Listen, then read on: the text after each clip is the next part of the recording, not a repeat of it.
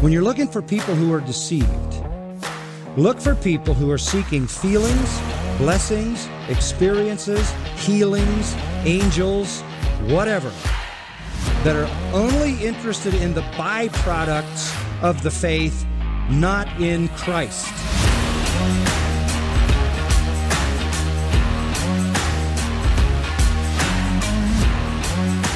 Come out from among them. Run for your life. Because this is about your life. It's not just about an opposing theology or a conflicting viewpoint on Jesus. This is about your life. Run from gospels that focus only on success and prosperity. Run. Run from churches where men and not Christ are glorified. Run. Run. Body of Christ, run. Get out. Run from churches where you're comfortable in your sins. Run from preachers that stand and tell stories and jokes. Run like you've never run before.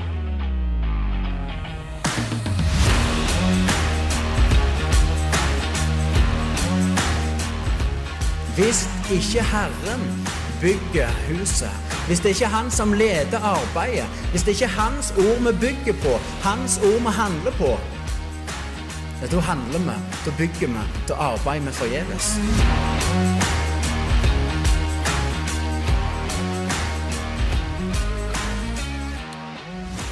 Velkommen tilbake. Velkommen. Velkommen. Skal du ta introen i dag, Thomas? Skal jeg det? Kjør på. Du kan den utenat, du. Kan du ikke det? Hjertelig velkommen til en ny episode av Reformert lekmenn. Og så må du si navnet mitt feil, bare for å gi, gi opp. Som det Jeg heter da Thomas Opstad, og jeg er med meg eh, Halvard Handeland. stemmer, det. God dag. God dag. Ja. Nå er det snøkaos ute. Kom en sein vinter i år. Har du vært ute og lekt i snøen i dag, Thomas? For det har ikke vært snø hos meg. Nei, stemmer det. Dere bor på Jæren, ja. Stemmer det. Da er det bare regn. Men faktisk der så For nå, der som jeg bygger hus, Mhm. det er bare fem minutter fra der eh, jeg bor, og der var det faktisk snø. Aha. Men kjørte jeg hjem til meg, så var det ikke noe tegn til snø. Så det blir ikke noe hakebrett på deg. Det blir ikke det. Stemmer. Du får komme opp til meg og leke litt. Der er det masse snø. Ja um, Hvordan står det til, Thomas? Noe nytt hos deg? Det står egentlig ganske greit til, Mm. faktisk. Nytt, ja. Noe Jeg- Jeg har faktisk ikke mange dager igjen som eh, 27-åring. Ja, stemmer det. Du fyller året. Hvordan skal vi feire det? Som skal ut og hete, Skal vi ikke det? Vi må det. Ja. Vi må. Hvor gammel blir du da? Tør du avsløre? Jeg ble to eh, 22 Nei, det blir 28.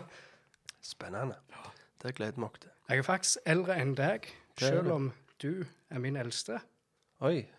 Oi. Hva er det som har skjedd, Hva er det som har skjedd? Jo, jeg har jo blitt innsatt som pastor i Kilden siden sist. Det var vel to søndager siden, var det det? Mm. Ja, stemmer det. Og for de av dere som ikke helt forstår eller vekker det er for noe, men, men det er det er kun det samme som pastor, det, eller hyrde. det. Bibelen bruker forskjellige ord på det. Um, så jeg, jeg er ikke alene som eldste eller pastor, men vi er faktisk fire totalt. Og det kan, kan kanskje høres litt spesielt ut, hvorfor er fire pastorer. Det, det som kanskje er mest normalt, den, eh, er at en har én pastor, kanskje. Eller det som er enda mer normalt, er at en ikke er noen pastor i det hele. Men, men eh, hvis en går inn i Skriften og ser og studerer pastoralbrevene, første og andre Timoteus og Titus brev, så ser vi ofte at når Eller Peter òg, for så vidt. Når du leser det, så ser du at når lederskapet blir snakket Når Paulus eller Peter skriver til lederskapet, så er det alltid flertall. Det er alltid et flertall av eldste. Og i Apostelens gjerninger 20 òg, så ser du det er et flertall av eldste og flertall av pastorer. Så det, det er vel litt i den at vi ønsker å ta Bibelen på alvor når det kommer til hvordan menigheten skal drives, hvordan lederskapet skal være. Med jernhånd og Stemmer det? Med jernstav. jernstav, ja. Ja. Nei, så Det blir spennende. Så når de kommer og gratulerer meg etterpå Jo, gratulerer, sier jo ja, nå, nå får jeg strengere dom, sier jeg. Og, så det er jo litt sånn Ja, jeg kjenner på den. Jeg gjør det. Så ønsker å ta det på alvor. Det er ikke noe, noe lek. Men allikevel så tror jeg at det er en stor velsignelse i det å, det å ønske å ha ansvar og ønske å utvikle de gavene en har fått. Så håper jeg kan, Du får holde meg i ørene, Thomas. ja, vi skal gå videre i serien vår om endetid, eller eskatologi, som det heter på fint. Um, Som betyr læren om de siste ting. Ja. Um, vi er jo i Matteus 24 fortsatt. Vi beveger oss sakte, men sikkert fram gjennom. Jeg tenkte vi skulle, vi skulle Ja. Vi tar en, del vers i dag, men, men vi er langt ifra kommet dere gjennom, for å si det sånn. Så skal, det kommer flere episoder òg. Men før vi går i gang med episoden, så, så har jeg bare lyst til å uh, snakke litt om Eller repetere litt fra sist. Poenget med siste episode var jo å få et lite overblikk over, over teksten. Men òg det å få se litt på den nære konteksten til selve kapittelet. Denne teksten, som alle andre tekster, har en kontekst, og det er viktig å forstå den for å forstå teksten. Når vi skal tolke profetiske tekster, så er det viktig å spørre seg sjøl og teksten noen spørsmål før en går i gang. Og Noen av de spørsmålene vi prøvde å få svar på sist, var blir det gitt noen tidsindikatorer i denne profetien i Matteus 24. Og, noen, eh, og da så vi jo at Jesus sier i vers 34 i Matteus 24 at Sannelig sier jeg dere, denne slekt skal slett ikke forgå før alt dette har, har skjedd. Og vi så at ordet 'denne slekt' betyr ikke ei framtidig slekt, men den slekta som Jesus faktisk snakket til. Og alle ti gangene Jesus bruker ordet 'denne slekt' i Matteusevangeliet, så er det alltid den slekta som da lever, det er snakk om, og ikke ei framtidig slekt. Uh, og, um, og, i Bibelen ei slekt 40 år, som også er snakket om, og Jesus ga denne profetien rundt år 30. Legger du til da 40 år, så ender du opp i år 70, når tempelet og byen ble ødelagt, som òg er det Jesus profeterer om i, i denne her eh, profetien i Matteus 24. Og En annen viktig ting som blir sagt av Jesus i vers 34, er at han sier ikke 'denne slekt skal slett ikke få gå før noe av dette har skjedd', men han sier 'før alt dette har skjedd'. Så det er òg viktig å forstå at så, så om en kan, en kan uh, være uenig og ha forskjellige tanker om fra vers 34 og ut gjennom, så vil jeg si i hvert fall det er veldig sikkert at fram til vers 34 så sier Jesus at alt dette som jeg nå har sagt, skal ikke Den slekta som får oppleve det, skal ikke få gå før alt det er skjedd. Um, og Dette poenget blir bare sterkere når vi ser på alle publikumstekstene i denne profetien. og Det òg gjorde vi litt sist gang. Hvem var det som skulle se disse ting? Jo, Jesus sier 'dere, dere, dere' flere ganger i denne teksten. Han sier ikke 'de', som om det angikk et framtidig publikum eller noen andre, men 'dere', som, som om det angikk de han faktisk snakket til. Og Vi så òg at disiplene spurte ikke om tegnet for verdens ende, men de spurte om hva skulle tegnet på denne tidsalders ende være. Og hva eh, konsekvenser får alt dette for hvordan vi tolker teksten? Jo, det får de konsekvensen at det som blir profetert om i den teksten, ikke er noe som vi fortsatt venter på, men at det var noe som ble oppfylt før den slekta som Jesus snakket til, hadde forgått. Blir denne teksten da urelevante, kan mange tenke? Siden det ikke handler om noe som vi skal oppleve i framtida? Nei, på ingen måte. Denne teksten ender opp med å bli en utrolig godt bevis for, for at Jesus er Messias. For han profeterte Jerusalems ødeleggelse i detalj, og hva som skulle skje i forkant av Jerusalems ødeleggelse. Og som vi skal demonstrere for dere i de kommende episodene, så, så gikk det i oppfyllelse til punkt og prikke. Og hvis du sitter og hører, hører, på nå og tenker hva slags ny tolkning er dette her? Det har jeg aldri hørt om før. Jeg har alltid tenkt at Matteus 24 det, det, alt det ligger før oss. Det er noe som vi venter på. Så vil jeg bare si at dette er på ingen måte en ny tolkning. Um, noen av de tidligste kirkefedrene brukte Matteus 24 som et trosforsvar i møte med kritikere av kristendommen for å vise at Jesus var Messias. For han profeterte i detalj hva som skulle skje med Jerusalem, og det gikk i oppfyllelse. Så mange av de tidlige kirkefedrene så ikke, at 24, så ikke på Matteus 24 som noe de fortsatt venta på, men heller noe som hadde skjedd akkurat sånn som Jesus sa det skulle skje. Og For å bare ta noen eksempler, så kan dere jo sjekke ut Jus Eusebius, en biskop og historiker som levde på 200-tallet, eller midten av 200-tallet til 300-tallet. Eller du kan sjekke opp eh, Athanasius. Han levde fra seint 200-tallet til midten av 300-tallet. Og du, du finner det i grunnen som en rød tråd gjennom hele kirkehistorien at folk tolker denne teksten på den måten. Og jeg sier ikke utelukka at det, var, det, er kun den tolkninga du finner, men, men, dette her bare for å vise at, at dette her er ikke noe som har kommet det siste hundreåret. Er du med? Denne forståelsen av Matteus 24 Dette er en forståelse og tolkning av Matteus 24 som har vært der gjennom hele kirkehistorien. Og vi vil jo argumentere for at det er det Jesus òg prøver å si. Men i dag blir denne teksten primært brukt for å bevise at verdens ende nær. Selv om det ikke er det disiplene spør om. De spør om tidsalderens ende. Så det, det vi vil gjøre i dag, er å begynne å gå gjennom teksten og demonstrere at det Jesus sa, skulle skje, faktisk skjedde. Og at det ble oppfylt i tida fram til år 70, eller i år 70. Så jeg tenkte bare vi kunne Vi kan jo bare begynne å lese i Matteus 24. Skal vi se. Jeg leser ifra ja, bare tar fra begynnelsen. Men, men, jeg kommer ikke til å lese hele Matteus 24. Vi tenkte i grunnen i dag å ta ifra vers 4 til vers 14 for de som sitter og har Bibelen foran seg. Men jeg leser i forbindelsen. Deretter gikk Jesus ut og bort fra tempelet, og disippelen hans kom for å vise ham tempelbyg tempels bygninger.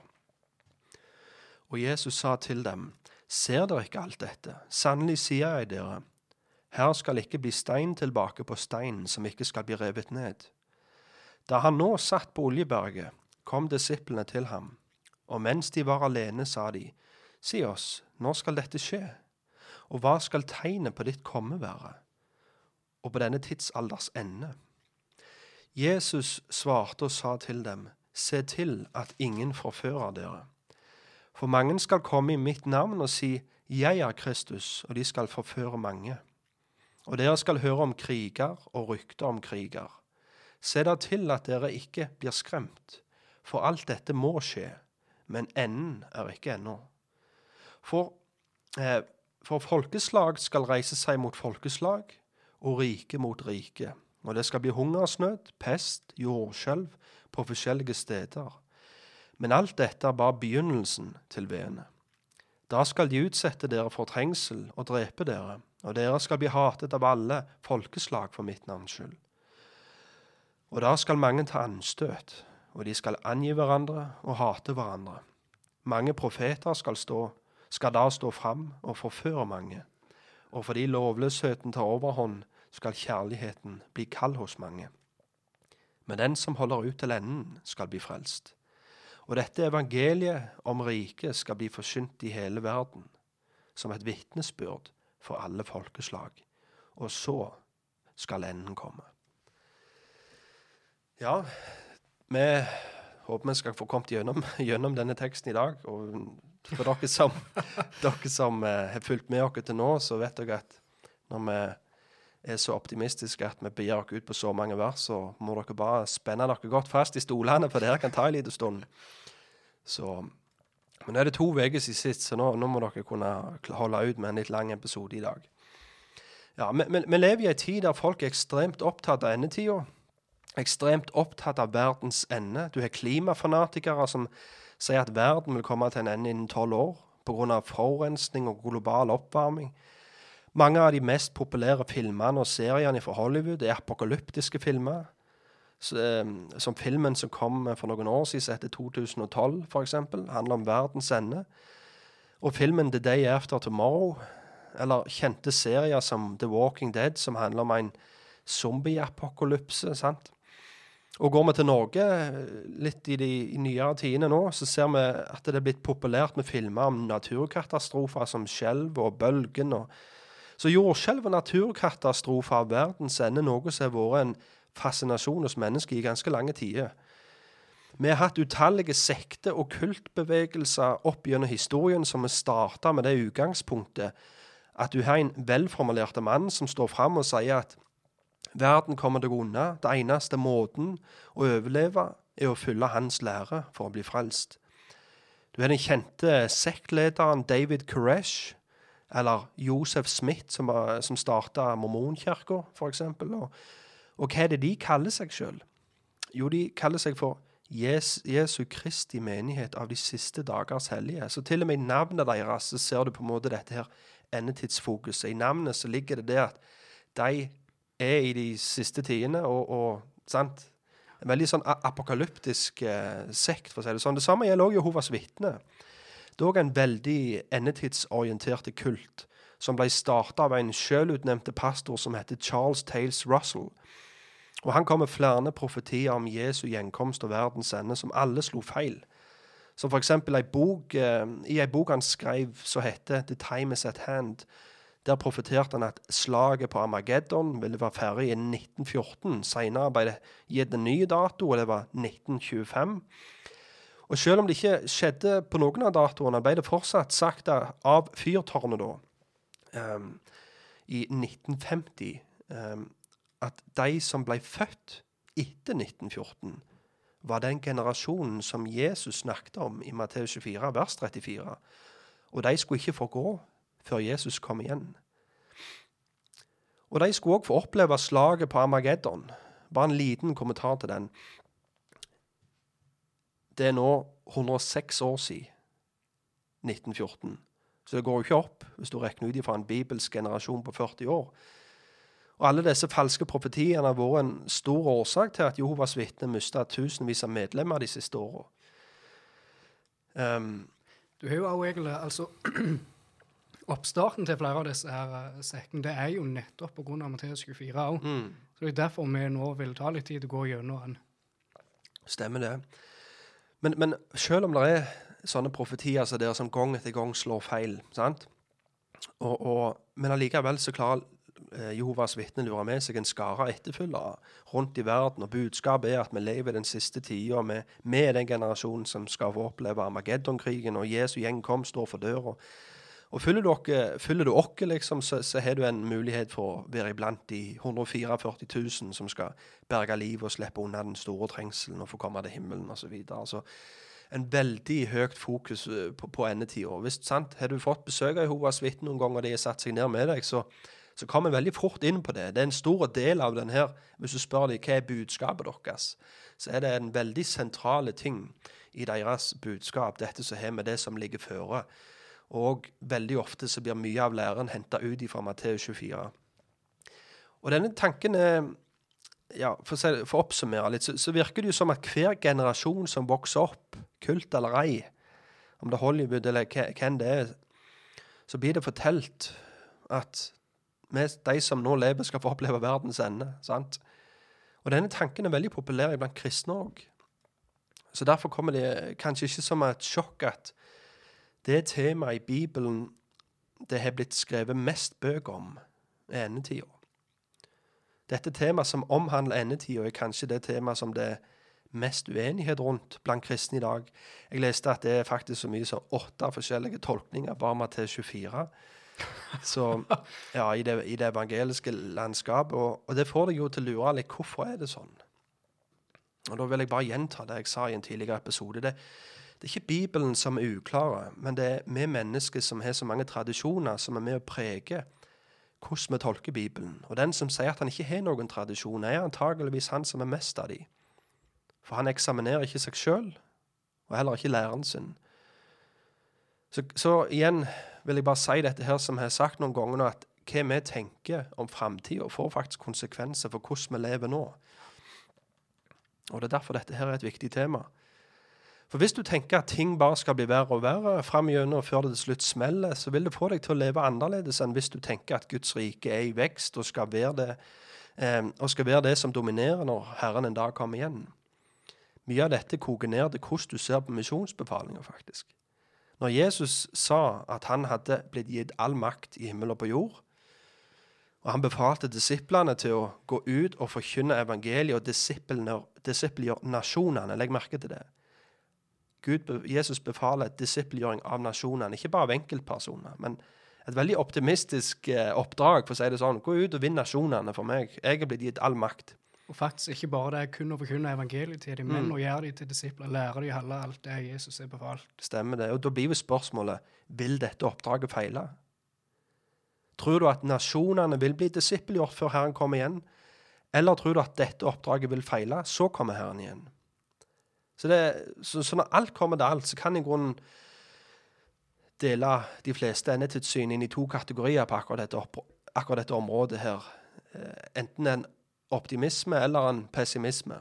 På, så, sånn vi ser på den tida vi lever i nå. Skal det bli veldig mye verre, eller skal faktisk jeg, meg og Thomas vi tror ikke på universalisme. Vi, vi tror ikke at alle skal bli frelst. Men, men tror vi at riket skal spre seg? Tror vi det at evangeliet skal faktisk kunne nå ut og kunne gjennom oss som dens, dets budbærere og disippelgjøre nasjonene? Eller vil dette her være eh, feila, for å si det sånn? Eh, og Jesus må komme igjen og sette dette her i stand sjøl. Men, men, som sagt, for jeg, jeg vil ikke gå for langt inn på det temaet der. Men vi snakket litt om det i, i denne episoden som heter 'Har Guds rike kommet, eller venter vi fortsatt?' Og det er jo tanken litt sånn ut ifra 1. Korinterne 15. Sant? I den tida vi lever i nå, så står det, sier Paulus det at nå sitter han med Guds høyre hånd og venter på at alle hans fiender skal bli lagt som en fotskammel under hans føtter. Og, og, det blir jo gjort gjennom at evangeliet blir forkynt. Så blir folk som før var fiender, til eks-fiender. Det blir hans venner. Og, og ja, så, så Nei, du trekker pusten. Jeg bare trekker pusten, ja. ja. Og det er jo ikke noe å legge skjul på, Thomas, at meg og deg er kanskje litt i, mer i den optimistiske skalaen av, av uh, ja, dette som endetidssyn å gjøre. Men, men uansett om, om det er nyanser som kan ses forskjellig i de forskjellige synene, så er det fortsatt stor enighet om de grunnleggende tingene. Som at Jesus en dag skal dømme levende og døde ved sitt andre komme. Fysisk. Som er et fysisk komme, ja og at det vil bli en legemlig oppstandelse, en ny himmel og en ny jord en dag i framtida. Så, så, det er viktig òg. Jeg ønsker ikke å blåse opp uenighetene. Jeg ønsker å fokusere først og fremst på at det er stor enighet iblant de forskjellige leirene om, om det sentrale i, i um, budskapet til Bibelen. Vi la oss nå begynne å se litt på Matteus 24, og vi begynner med å se på vers 4 og 5.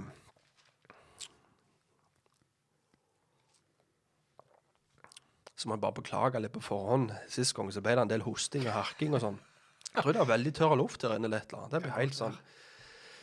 Hvis dere har noen sånne der gode kjerringråd som dere kan gi oss for uh, du skal slippe å bli så veldig ring i halsen, så vi vurderte kanskje ta med litt tabascosaus eller et eller annet for å rive opp litt, eller noe sitron, et eller annet. Så hvis dere har noen sånne gode forslag som skal gjøre at du klarer å holde ut lenge med å snakke uten å få noe hosteanfall, så tar vi gjerne imot det. OK. Vi begynner med å se på vers 4 og 5. Jesus svarte og sa til dem, Se til at ingen forfører dere, for mange skal komme i mitt navn og si, Jeg er Kristus, og de skal forføre mange. Som andre ord skulle tida før Jerusalems ødeleggelse være preget av falske Messiaser. Og Da er det jo interessant at både i apostelens gjerninger og hos tidlige kirkefedre og historikere så kan vi lese om at denne tida var preget av falske messiaser. Allerede før Jesus sa dette, hadde det vært en del falske messiaser. Vi har for to, vi har to eksempel i apostelens gjerninger, fem. Og Da er det fra vers 36. Jeg bare leser det. For, for en tid siden sto Theodas fram, og han mente han var noe. Et antall menn, omkring 400, slo seg sammen med ham. Han ble drept, og alle som adløp ham, ble spredt og ble tilintet. Vers 37. Etter, han, etter ham sto Judas fra Galilea fram i folketellingens dager. Og han dro med seg mye folk. Også han gikk til grunne. Og alle tilhengerne hans ble spredt. Så der er vi et par eksempel på to på en måte Messias-figurer som hadde vært rett før Jesus hadde kommet. Men hvis vi går litt videre, da, hvis vi snakker om etter, etter Jesus og ut gjennom eh, Eusebius, en tidlig kirkefader, skriver om en mann som ble kalt egypteren. Han var òg en Messias-figur som fikk med seg en skare av etterfølgere. Eusebius forteller at denne mannen fikk over 30 000 etterfølgere, og de holdt seg ute i ørkenen. Men en dag ledet han folket, folka sine opp til Oljeberget, for han var fast bestemt på å overta Jerusalem og frigjøre byen fra romerne. Det var jo det jødene tenkte Jesus skulle gjøre, og ble skuffa når han ikke gjorde det. Men her er det en som tenker OK, nå skal jeg gi dem det de vil ha. sant? Men romeren Felix forutså eh, hva han kom til å gjøre, så derfor tok han med seg en liten hær og gikk til angrep ut forbi byen. Egypterne og en del andre klarte å flykte ut i ørkenen, resten ble drept eller tatt til fange.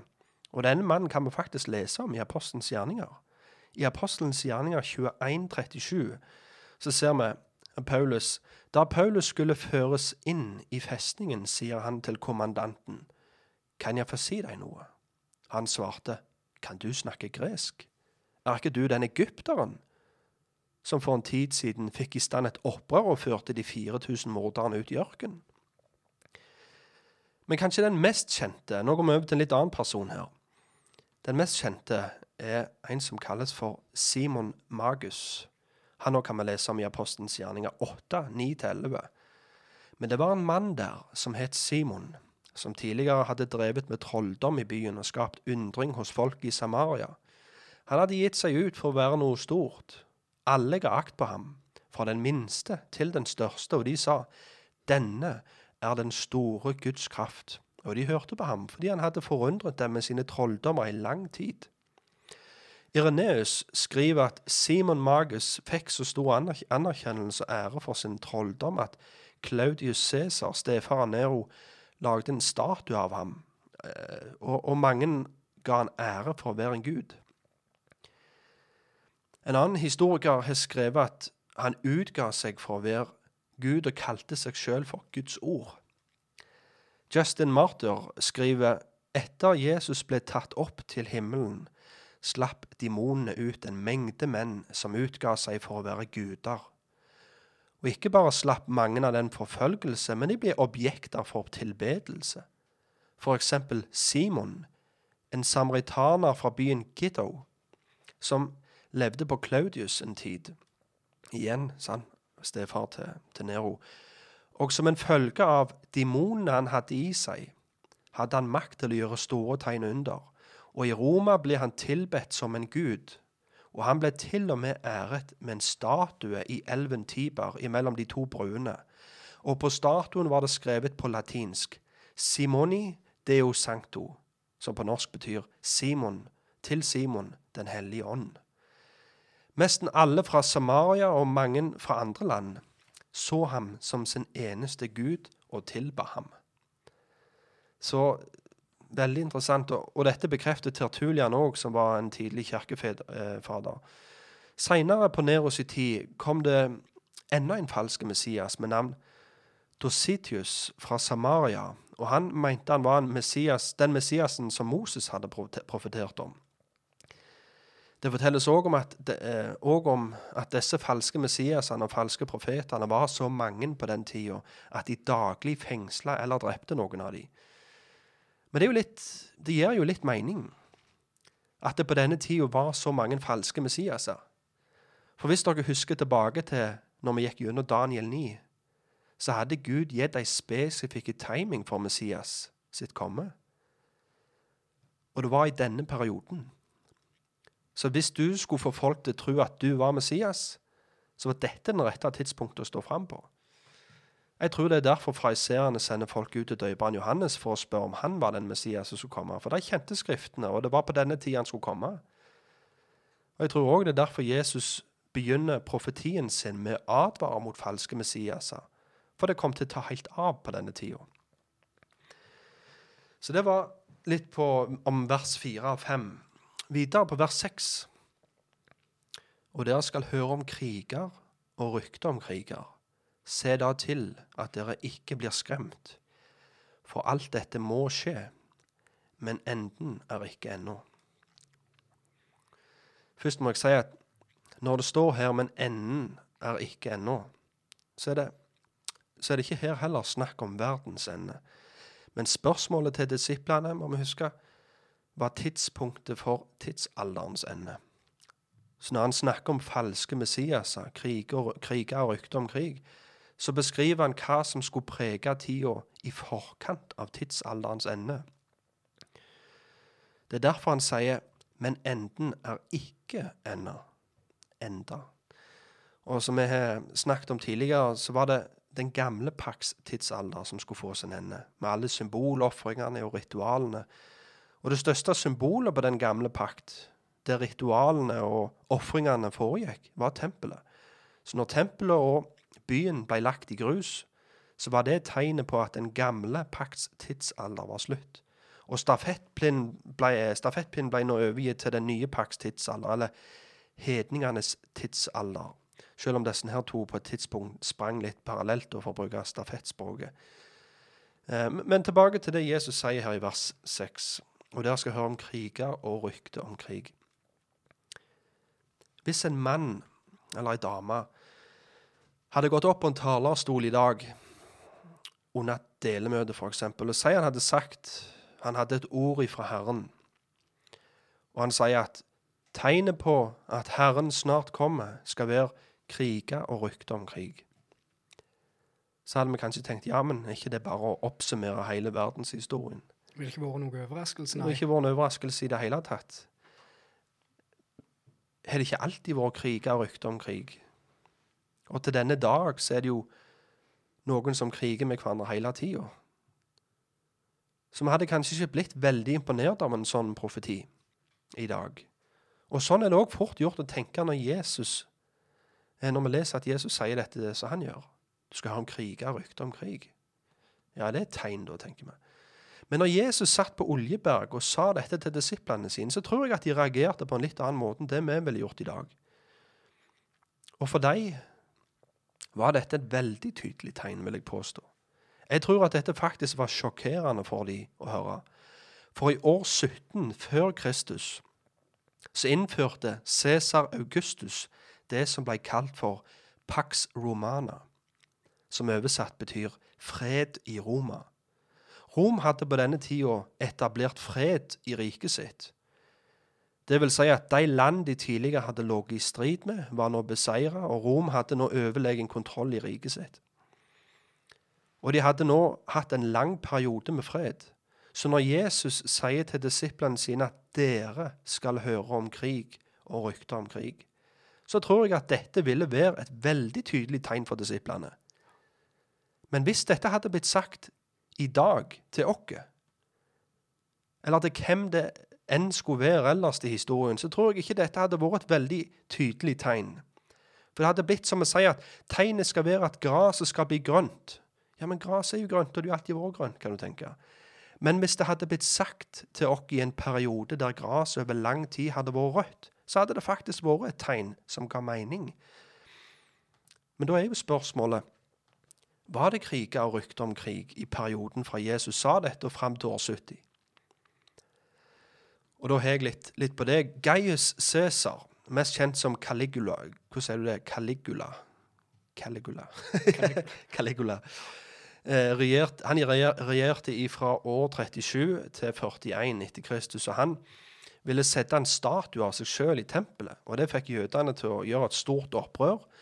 Og Dette var starten på en mengde av kriger, opprør og massemord.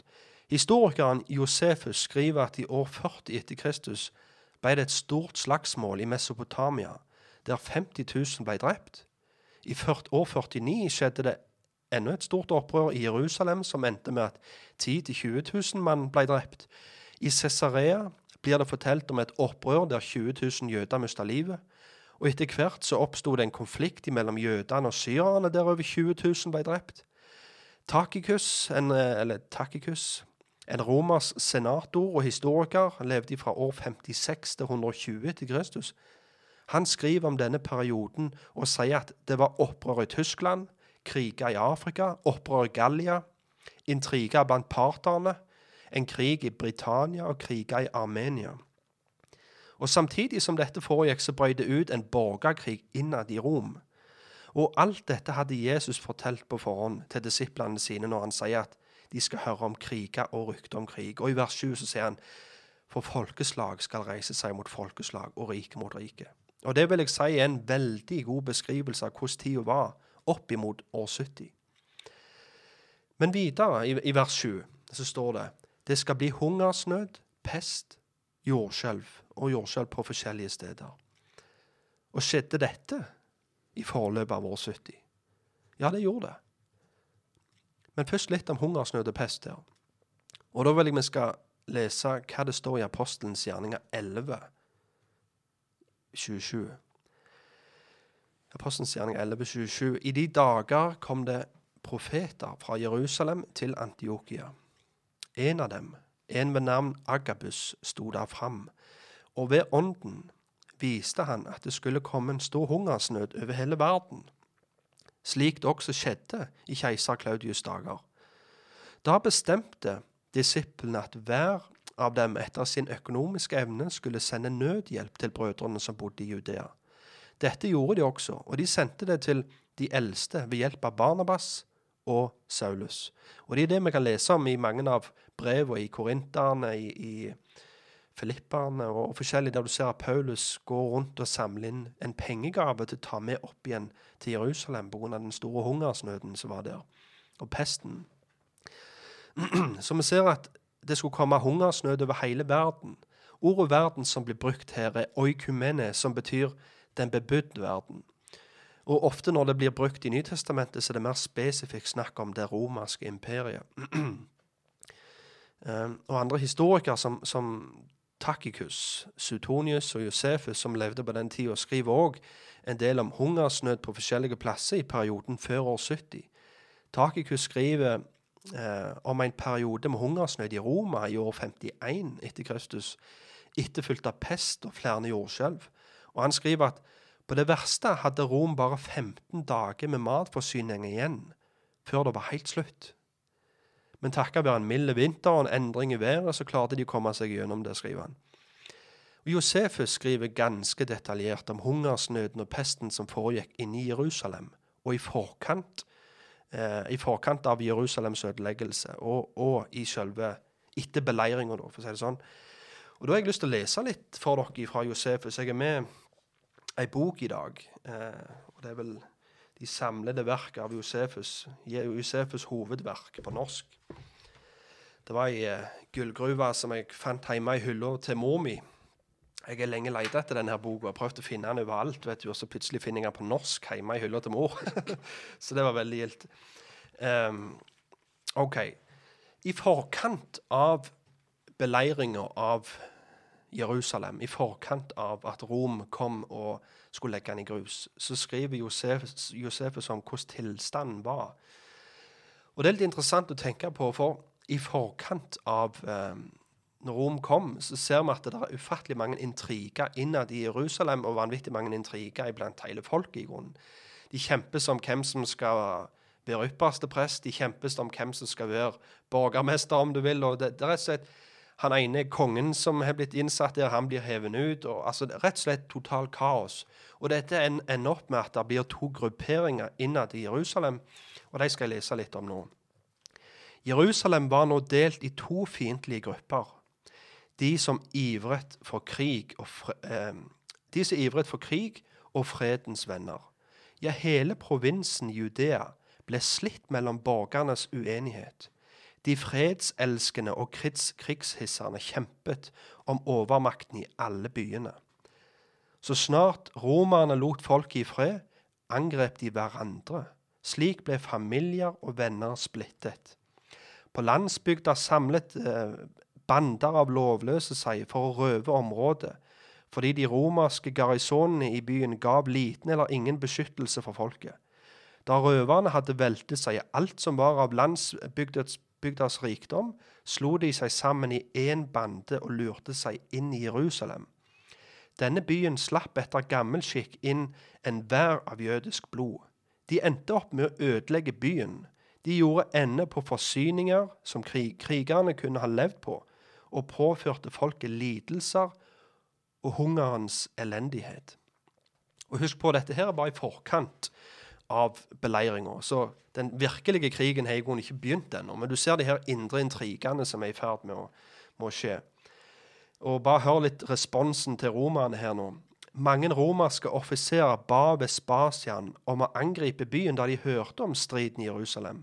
Men han svarte at øyeblikkelig, de øyeblikkelig ville gjenforene eh, jødene mot en felles fiende hvis de på den andre eh, hvis de på den andre siden fikk fortsette som før, ville de ødelegge hverandre og gi romerne en lett seier.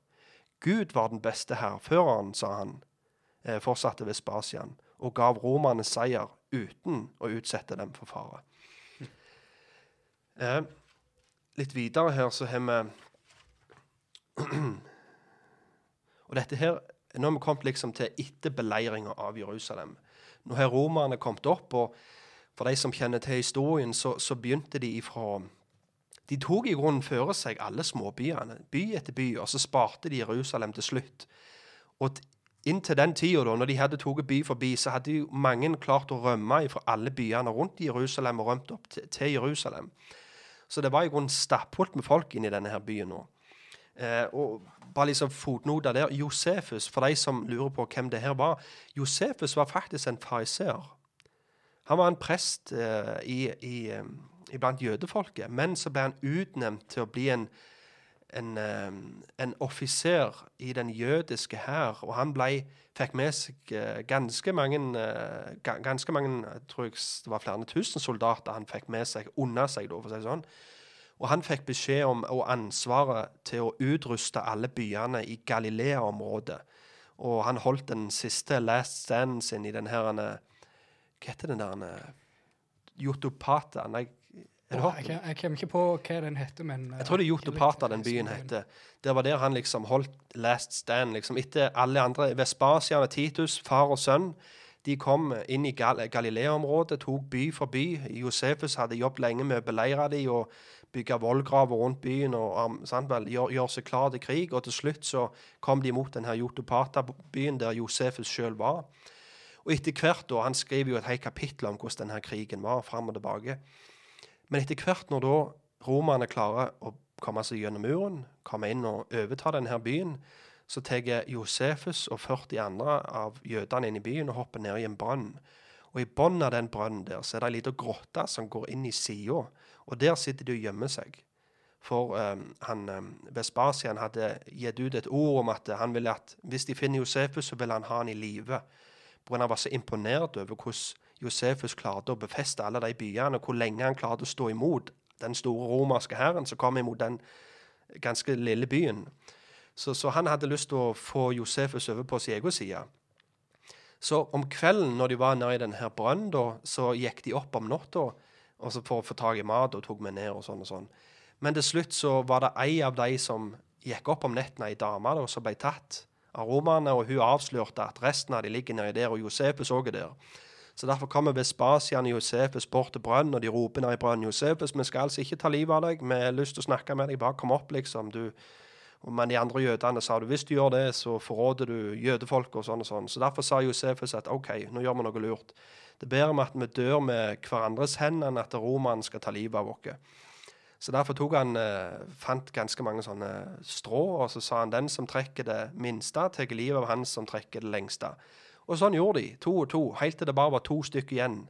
Og det var faktisk Josefus og en annen kar. Men da sa Josefus du, vi skal ikke bare heller bare gå opp og overgi oss. Det, det, det var ikke så fristende likevel å være med på den der leken. Og det gjorde de faktisk da. Så de gikk opp og overga seg. Josefus overga seg. og det Vespasian og Titus hadde sagt, det var sant. De hadde ikke tenkt å ta livet av han. Men eh, de hadde ja, de hadde trodd han var en profet, liksom. eh, så de sa at vi vil ha deg med på vår side. Eh, for du, kan, du snakker språket til jødene, så derfor kan du gå opp til byene og si at hvis dere overgir dere, så skal vi ikke legge dere i grus. Så Josefus ble faktisk med i den romerske hæren etterpå. Og hans oppgave var jo å skrive om krigen, så han var øyenvitne til alt som foregikk i forkant av år 70 og i år 70. og han fikk i grunnen leve ganske trygt i Rom, og bøkene hans ble obligatorisk pensum i de romerske skolene. og, og um, ja, og, og Det var litt interessant for å forstå litt mer av hvem er denne her Josefus. Men tilbake igjen til teksten. nå, nå Josefus har nå blitt med den romerske hæren. Han eh, ja, Det står om at han daglig går rundt og rundt byen og snakker språk, med språket til jødene og roper til dem at de må overgi seg. For da kommer eh, Titus til å berge dem. Han har ikke lyst til å ødelegge byen. Men da må de overgi seg. Men de bare spotter han, og den ene gangen så hiver de faktisk en stein over, treffer han rett i hodet, og så jubler de over at de klarte å ta livet av han. Men de, de gjorde jo ikke det da, men bare litt det der hatet som var imellom jødene og, romerne da. Men, men videre her, da. Etter beleiringa. Hvordan var tilstanden i Jerusalem da? Um, prosjektilene som ble skutt ut fra katapultene, steinkasterne og hurtigskyterne fløy over hele tempelet.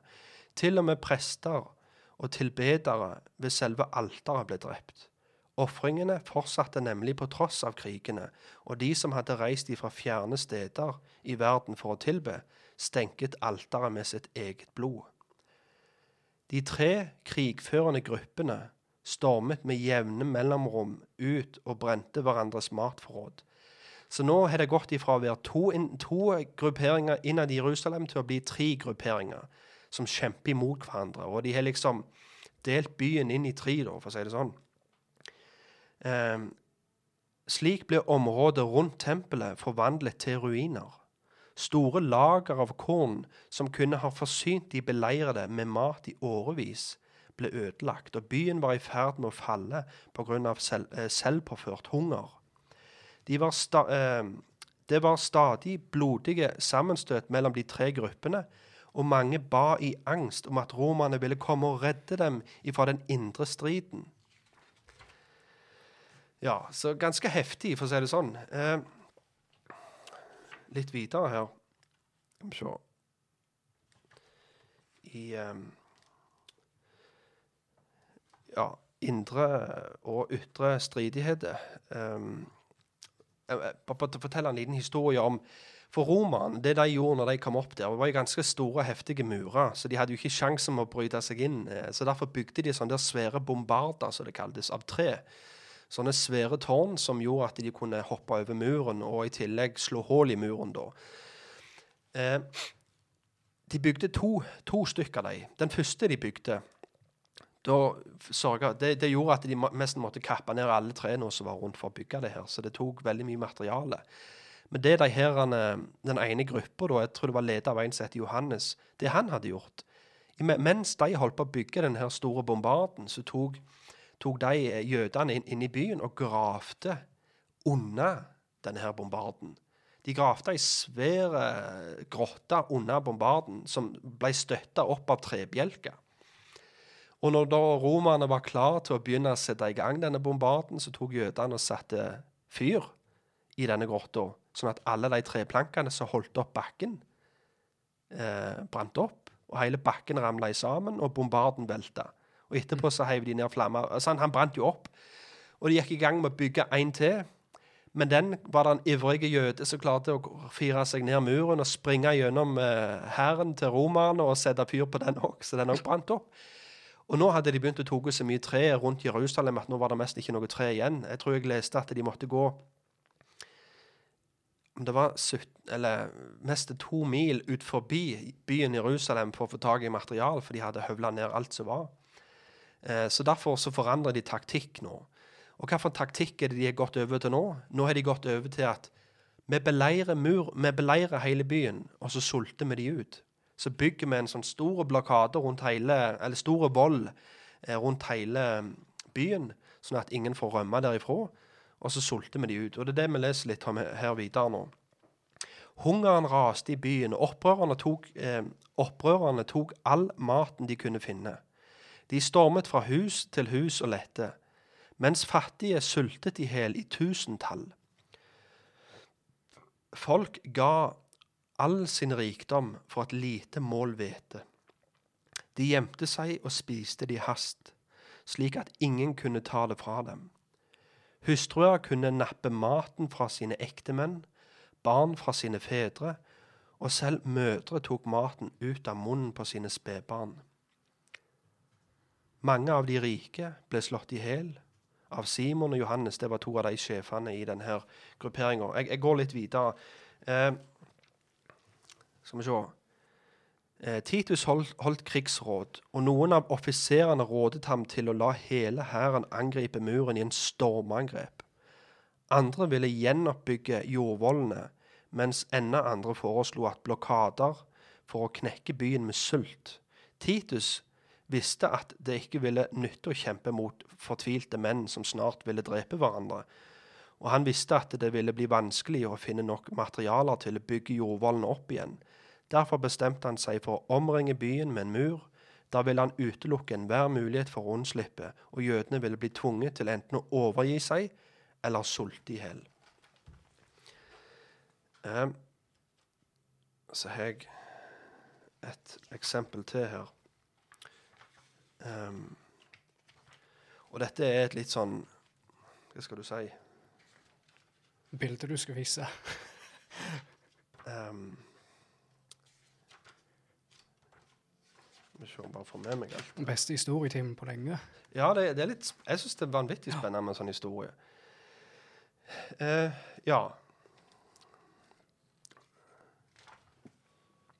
um, følgelig setter han legionene sine til arbeid. De bygde med slik iver eh, og så fort at arbeidet var gjort på tre dager.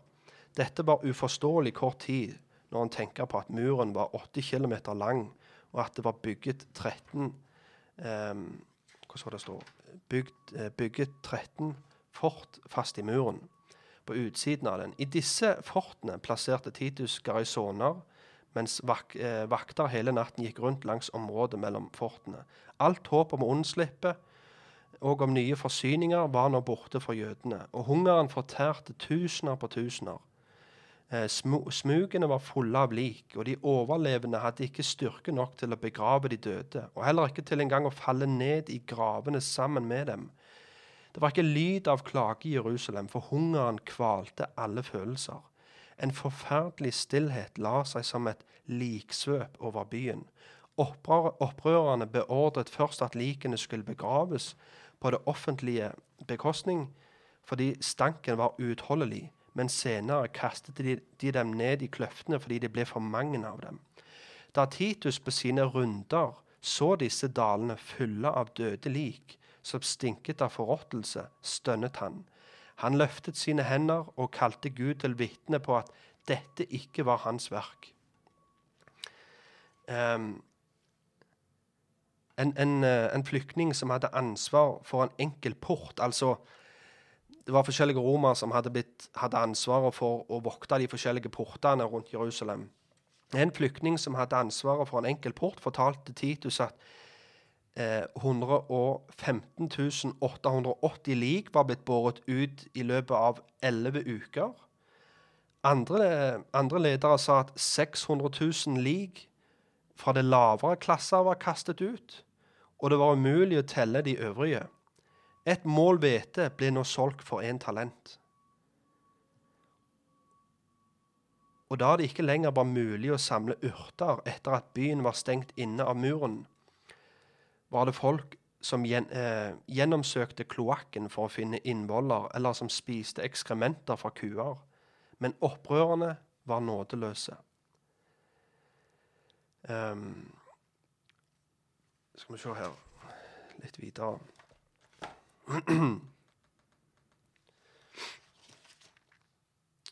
um, Skal vi se.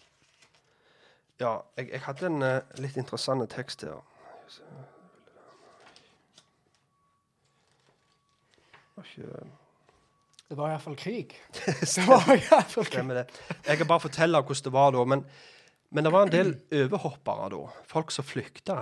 Og de som ble fanga da, de ble korsfesta. Så det fortelles om eh, hvordan rundt byen Jerusalem så var det som om at det var en skog av, av, kors, av kors, da.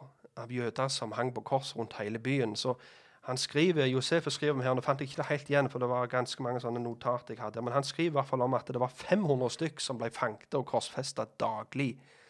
Så da kan du tenke deg hvor fort den skogen vokste av bare kors... Tenk den lukta. Og når du har så mye død, og folk ikke blir begraven, da følger jo naturlig pest etterpå. Så det var ganske Ja, det må være en forferdelig syn å få oppleve dette der.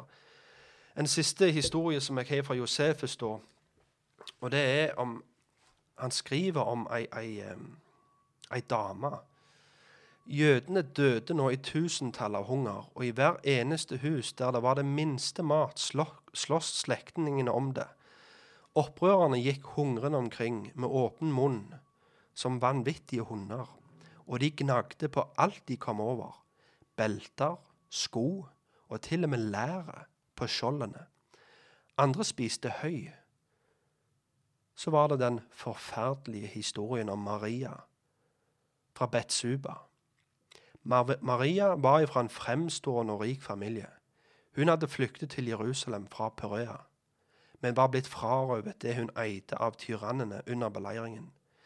Tilhengerne deres hadde også tatt maten fra henne på sine daglige herjetokter. Hun ble vanvittig av hunger, tok barnet fra brystet, og nå bare advarer jeg hvis det er mindre øyre som hører på nå, så kan dere bare stoppe denne her og så høre det når dere kommer for dere sjøl. Og de som har en litt sånn dårlig mage, da er ikke dette her for dere. Um, hun ble vanvittig av hunger, tok barnet fra brystet og sa, stakkars barn, hvorfor skulle jeg bevare deg fra krig, sult og opprør? Kom, bli mat for meg. Hevn mot opprørerne og det høyeste uttrykk for jødenes tragedie i verden. Dermed drepte hun guttebarnet, stekte kroppen og spiste halvparten. Resten gjemte hun. Opprørerne kom med en gang. De kjente den vanhellige lukten og truet henne med døden om hun ikke hentet fram det hun hadde laget til. Hun hadde tatt vare på det beste også for dem, svarte hun, og tok fram resten av spedbarnet. De sto der lammet av angst. Dette er mitt barn og mitt verk, sa hun. Forsyn dere, for jeg har spist meg mett. Vær ikke svakere enn en kvinne eller mer barmhjertig enn en mor. Men dere er feige og misliker mitt offer, så la meg få resten. Bevende forlot de stedet, og hele byen skalv over denne avskyelighet. Romerne var skrekkslagne, og Cæsar erklærte, erklærte i Guds øyne skal vi se. Og Cæsar erklærte at han i Guds øyne var uskyldig i denne forbrytelsen. Men han sverget at han ville eh, begrave denne overtredelsen, denne barnekannibalismen, under landets ruiner. Uff, ja, så det, det, er, det, er, brutalt. Det var en brutal hendelse. Og at, bare det at han er blitt skrevet ned i så detaljer, er ganske utrolig. Um, og for å ta oss og hente dere litt inn igjen, da. Jeg sa sist episode at jeg ville lese forbannelsen i 5. Mosebok 28. Og litt med dette jeg har sagt nå som en liten bakgrunn, så tror jeg dere vil få se hvorfor Matteus 24 kan med rette bli kalt dommen over paksbryterne. For i, eh, i, i 5. Mosebok 20, 28 så har vi Paksfolk er framfor Gud. Gud har gått inn i en pakt med dem. Jeg er deres Gud, dere er mitt folk. Velsignelse på dette fjellet, forbannelse på dette fjellet. Hva velger dere? Sant? Og de valgte velsignelse. De, vil, de, ville holde hele loven. De mente de skulle klare det. Men Gud sa hvis dere bryter loven, så kommer forbannelsen over dere. Og den, Jeg skal ikke lese hele eh, 15. Mosebok 28. Jeg bare tar utdrag, noen utdrag derifra, bare for dere skal se litt hva det går i.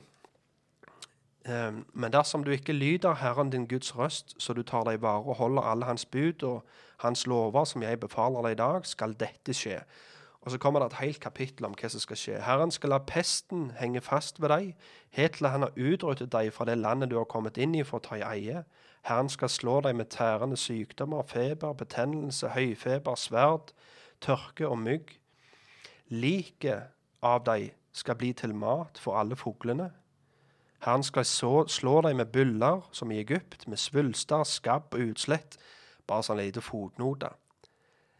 Denne læren til Bill Johnson om at Gud kan ikke gi noe som han sjøl ikke har. Mm -hmm. I alle dager gjør han med alt dette her, lurer jeg på. Bare som en liten sånn digresjon der. Herren skal, Herren skal slå deg med grusomme byller på knær og legger, byller som du ikke kan bli leget fra, og de skal dekke deg fra eh, isse til fotsåle. Du skal bli til skrekk til et åtak og til splott blant alle folkeslagene som Herren vil drive deg bort til. Du skal få sønner og døtre, men de skal ikke bli værende hos deg, for de skal føres bort i fangenskap. Alle disse forbannelsene skal komme over deg og forfølge deg og innhente deg, helt til du er ødelagt, fordi du ikke lød Herren din Guds røst, så du holdt Hans bud og Hans lover, som Han befalte deg. I vers 49. Herren skal føre imot deg et folk fra et sted langt borte, fra jordens ende, slik som ørnen kommer flygende. Et folk med et språk du ikke forstår. Det er et folk med harde ansikt, som ikke viser aktelse for den eldre, og som heller ikke viser barmhjertighet mot den unge. Sant? Ser dere her at det er et folk som skal komme imot dem og skal ta dem? Nettopp det som vi ser, ser skjer her i Matteus 24. De skal beleire deg ved alle dine porter, helt til dine, høy, eh, til dine høye og befestede murer, som du setter din lit til, raser ned over hele ditt land. De skal beleire deg ved alle dine porter over hele ditt land, som Herren din Gud har gitt deg. Under beleiringen og den veldige trengselen som dine fiender set, eh, setter deg i, skal du spise din egen livsfrukt, kjøttet av dine sønner og dine døtre som Herren din Gud gir deg. Legg merke til det her. Og enda mer detaljert. Den ømmeste og mest elegante mann blant dere skal se med onde øyne på sin bror, mot hustruen han har i sin favn, osv. Den ømmeste og vakreste kvinnen blant dere, som ikke ville driste seg til å sette sin fot på jorden, så vakker og øm som hun var. Hun skal se med onde øyne på ektemannen hun har i sin favn, og på sin sønn og på sin datter, ja, for sin etterbyrd som kommer mellom hennes bein, og de barna hun føder for hun skal spise dem i hemmelighet fordi hun er i nød for all for, eh, fordi hun er i nød for alt under beleiringen og den veldige trengselen som dine fiender fører over deg ved alle dine porter. Hvis du ikke tar deg vare så du holder alle de ordene i denne loven som er skrevet i denne boken, så du frykter dette herlige og fryktinngytende navnet, Herren din Gud. Det er mektig. Hør det her. Forstår vi det at når vi leser Matteus 24, så er dette dommen over paktsbryteren. Når Gud snakker om sverd, hungersnød, pest, sykdom, alle disse tingene. Det er Matteus 24. Når Jesus snakker om sant, bare det at ørnen skal komme imot deg? Um, Der hopper jeg litt før meg, for det skal vi komme tilbake igjen. For det snakkes jo om der gribben, der åtsle skal gribben bære, osv. Men, men det skal vi nå, jeg skal ikke gå før meg nå. Men det var litt om pest og hungersnød. Og jeg syns bare det er interessant å se den parallellen til at den forbannelsen som Gud hadde sagt og Vi kan jo spørre oss sjøl ja, jeg ser du snakker om forbannelse, men når kom han? Kom han? Kom han ikke? Altså Jo, han kom. Dommen over paktsbryterne kom over Israel og folket og tempelet og helligdommen i år 70. Men hva med jordskjelv videre i Vi er vel i, fortsatt i vers 7, er vi ikke det, Thomas? Mm. Ja. Um, Vers 7. Jordskjelv. Eh, mange profetiforfattere som skriver, eller forkynnere som taler over denne teksten, lager veldig ofte et stort poeng ut av at jordskjelvene har i det siste tida blitt veldig mye kraftigere enn det de var før, og at det er kortere mellomrom mellom de. Men det er ingenting i teksten som sier at jordskjelvet skal bli kraftigere, eller at de skal komme oftere. Det står bare at det skal bli jordskjelv på forskjellige plasser. Og var det det i forløpet til år 70? Ja, vi, vi har to eksempel i Matteusevangeliet, f.eks. Det var et jordskjelv når Jesus ble korsfesta, og det var et jordskjelv når han sto opp igjen fra de døde. I Apostens gjerninger 16, når Paulus og Silas sitter i fengsel, så står det at Paulus eh, Plutselig så kom det et jordskjelv, og at fengselets grunnvoller rista. Og Flere sekulære historikere skriver òg om jordskjelv i perioden før år 70. Det var jordskjelv på Kreta, Smyrna, Miletus, Chios, Samos, Laudikea, Hierapolis, Colosseum, Kapania, Roma og Judea.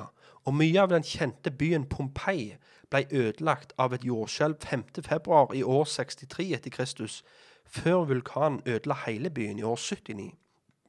Men som det står videre i teksten, så var alle disse tegnene bare begynnelsen til fødselsværen, ikke selve enden. Når han snakker om de her tegnene som fødselsvær, så er det ikke jordskjelver som skal komme i fødselsvær. Men det er alle de tegnene han snakker om. Krig, hungersnød, falske messiaser. Dette her skal komme som fødselsvær. Um, og det blir kraftigere og kraftigere, og flere av de er liksom litt poenget. Ja, og da er vi jo litt videre i teksten, Thomas. Ja um, Tar du kaffekanna der, forresten? Jeg må ha deg kaffe nå. Selvsagt. Skal vi se, ja, for Videre sier jo Jesus at eh, da, altså fortsettelse med disse her vedene fram til den endelige dommen da, og ødeleggelsen av uh, Jerusalem, så sier han at eh, Ja, en annen ting jeg vil skyte inn, for det som er litt interessant nå, det er jo det er på en måte to typer folk Jesus uh, snakker til her. For han sier at dere skal se alt dette. Eller eh, han snakker til sine disipler. Men så ser du òg at uh, f.eks. i, i eh, vers 5 med at eh, mange skal komme i mitt navn og si 'Jeg er Kristus', og de skal forføre mange. Så du har både dere, og så snakker han om deg. Så da spør dere litt og prøver å finne ut hvem er da deg. Uh, og da så det verset her uh, i vers 9 sier altså da skal de utsette dere for trengsel og drepe dere. Uh, det er ikke første gang Jeg leser bare hele vers 9. Da skal de, de utsette dere for trengsel og drepe dere, og dere skal bli hatet av alle folkeslag for mitt navns skyld. Um, det er ikke første gang Jesus sier dette. her, for Tidligere i Matteus i kapittel 10 så sier han jo uh, noe av det samme. Uh, der, står, uh, der står det at Men pass dere, igjen snakker han til sine disipler.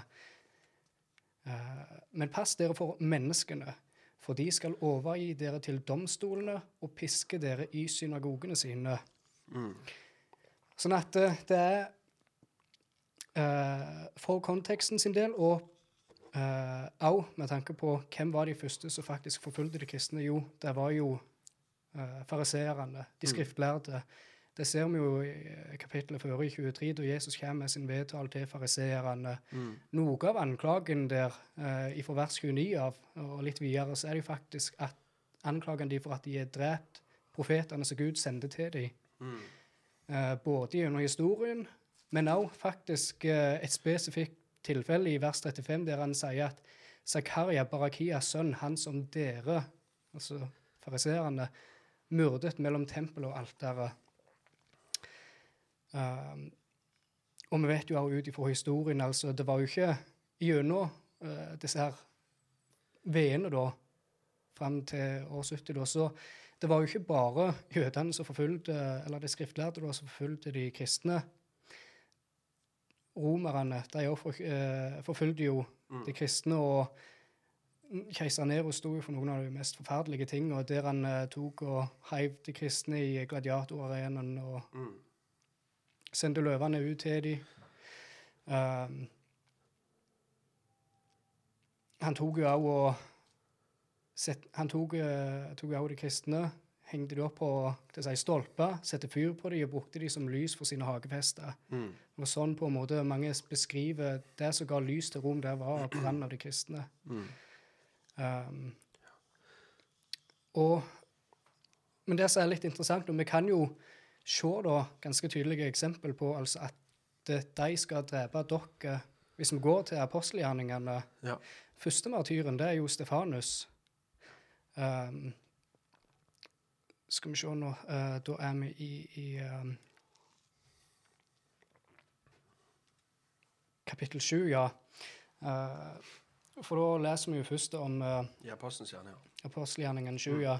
Da leser vi jo om uh, at Stefanus har hatt en stor og lang tale. eh, tale på en måte gjennom hele Israels historie. Eh, og så ehm, skal vi se, og Det som er litt interessant, for det var noen som kalles de frigitte synagoge. De prøvde å argumentere med Stefanus, men de klarte ikke å stå imot den ånd og den visdom som i han, står det.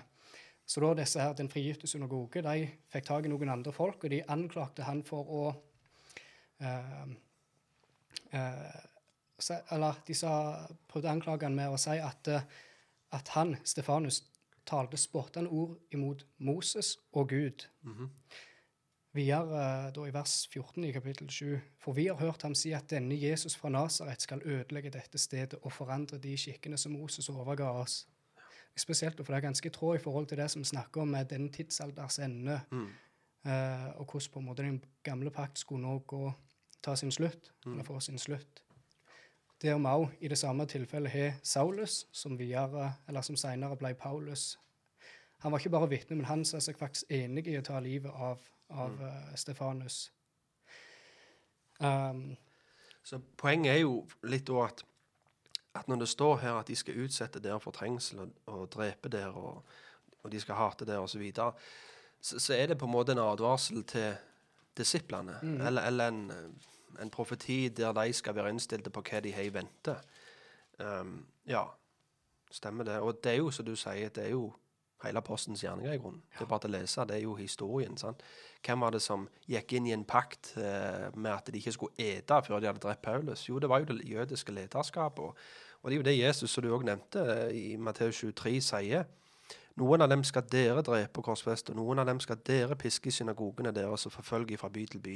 Altså, Jesus har jo nettopp sagt hvem de, dere, hvem de er. sant? Når vi kommer til Matteus 24, så står det ehm, da skal de utsette dere for trengsel. Hvem er, hvem er de de i den teksten? Jo, det er jo de jeg nettopp har snakket om kap kapittelet tidligere. De er det som skal forfølge de kristne. Så, så igjen, dette her òg er noe som en ikke trenger presse framfor oss, men, men eh, med å bruke Bibel for å tolke Bibel, så ser du at det var en realitet for de Jesus faktisk snakket til der og da. Det har du også, Jeg vil dra fram enda et eksempel. Det er også igjen fra apostelgjerningene kapittel 12, da du har kong Herodes. Eh, står at en ga befaling om å mishandle de ifra menigheten. Så står det at en drepte Jakob, Johannes' bror, med sverd. Og siden han, altså Herodes, så at dette var til glede for jødene, fortsatte han og grep også Peter. Dette var under de usyrede brøds dager. Um, videre da, så står det jo at eh, mange skal ta anstøt, og de skal angi hverandre og hate hverandre. Og du kan sånn sett se litt samme i parallellteksten til Matteus 24 i Lukas 21. Så sier Jesus at dere skal til og med bli angitt av foreldre og brødre og slektninger og, og venner. De skal drepe noen av dere. Det er ganske direkte personlig tale fra Jesus. Altså, de, til og med deres familie, deres venner, de skal drepe noen av dere. Um, men det er også videre så kan du se i Nytestamentet eksempel på dette herrene med hvordan eh, Guds sine apostler og på en måte de kristne opplevde det og det å eh, At de, folk fikk ans, tok anstøt av dem. Og det kan du se egentlig ganske mest spesifikt og med flere anledninger da, i 2. Timoteus. Eh, der du har f.eks. i vers eh, 15, 2. Timoteus 1,15. Dette vet du, at alle de i Asia har vendt seg bort fra meg. Fygelus og Hermogenes er også blant dem. Så kan vi også lese om Demas, som egentlig var med og reiste med Paulus. Han forlot jo Paulus, står det, av at han fikk kjærlighet i denne verden. Uh, videre og uh, et annet tilfelle i 2. Timoteus brev, der ser vi i, i uh, slutten at eh, med Paulus sitt første forsvar så det blir beskrevet at ingen sto med han, men alle forlot han. Så du igjen på en måte du kan se hvordan nytestamentlige eh, brev og, og eh, hvordan de også gir oss sin oppfyllelse av dette her, med spesifikt tilfelle da. Um, du var jo sånn sett uh, inne på det tidligere for, i forhold til dette her med eh, Mange skal komme fram og si at 'jeg er Kristus', og de skal forføre mange. For i vers 11 så er det jo mange falske profeter skal da stå fram og forføre mange. Jeg, jeg hadde bare en, en til på den tiden der. Jeg kom på det. For, jeg, jeg, eh, for der står jo òg videre uh, Og de skal angi hverandre. Den setningen der, den er litt interessant. For når Nero, keiser Nero kom til tronen sant? Han, han som du nevnte litt, han eh, gjorde jo sport av å ta livet av kristne. sant? Og de ble jo anklagte for alt. sant? Når han satte fyr på Rom, så ga han jo skylda på de kristne. og sant? De ble jo bannløste og, lov, og sant? fredløse. Altså Robin Hood, hvis du fant han, så kunne du ta livet av han, liksom.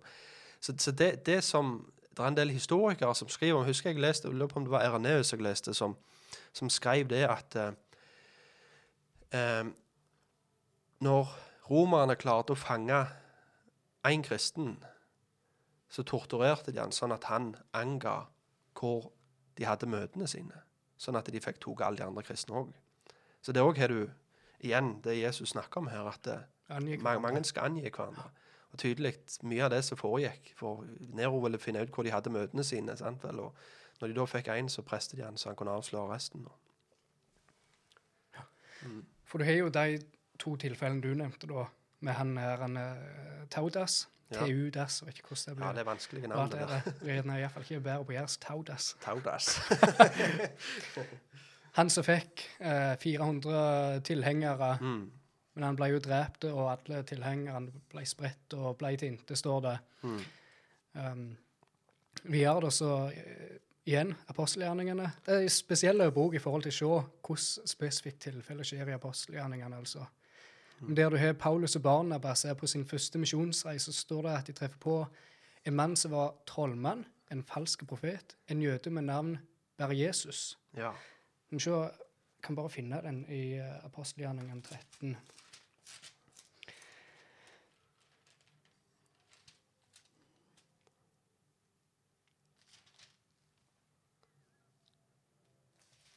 Er det han som eh, Paulus forbanner, altså slår blind? Er det ikke det? Skal vi se nå. eh, da de nå hadde gått over eh, øya til Pafos, fant de en trollmann, en falsk profet, en jøde ved navn Bar Jesus.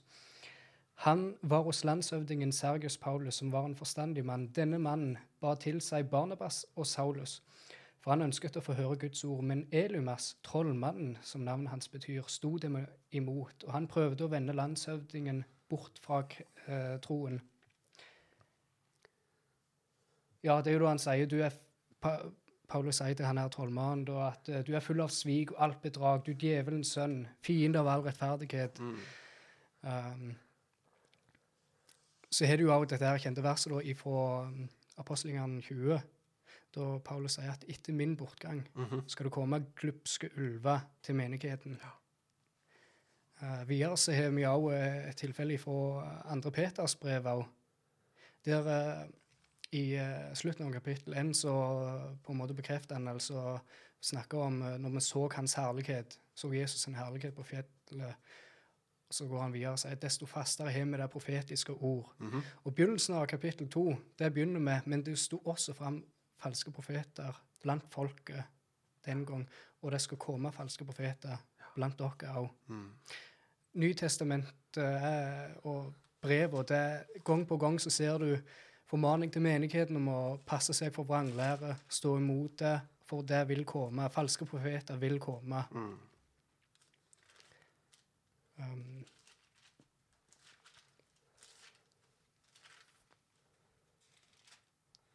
hvordan skal vi ta i forhold til tida nå og begynne Nei, nei, kjør på. Kjør på. Jeg, jeg, jeg bare kom på det der. Det, det blir ikke bare sagt av Paulus og Peter at det skal komme, men lurer på om det Johannes brev står, og det her allerede kommet. Er du med? Første Johannes, ja, Ja, om så, Antikrist og Antikrist ånd. Stemmer det. Og, og, og, så det, det er ikke bare Men jeg vet ikke, kan være med hamre det Folk er liksom med, Ja, ja, vi er med på dette her. Det liksom er ikke noe problem med dette. Det er nok mange som tenker det. At de er med. Altså, meg, meg og Thomas prøver jo i grunnen å etablere det at det, det som står her i Matteus 24, vers for vers nå fram igjennom, at dette her er noe som var en realitet for de som hørte på. Og at det var falske profeter, falske messiaser, alt dette her i fork... Liksom, men i, i den slekta, for å si det sånn. Eh, så så vi, vi, trenger, kan, vi kan kanskje gå videre nå. Og fordi lovløsheten tar overhånd, skal kjærligheten bli kald hos mange. Det er vers 12. Ja, stemmer det. Og det er jo på en måte, det går litt, Du kan på en måte se det går litt om igjen, eh, sånn med tilfellene du leste fra faktisk, sånn historie fra Josefus og sånn, uh, der vi ser uh, at lovløsheten tar overhånd.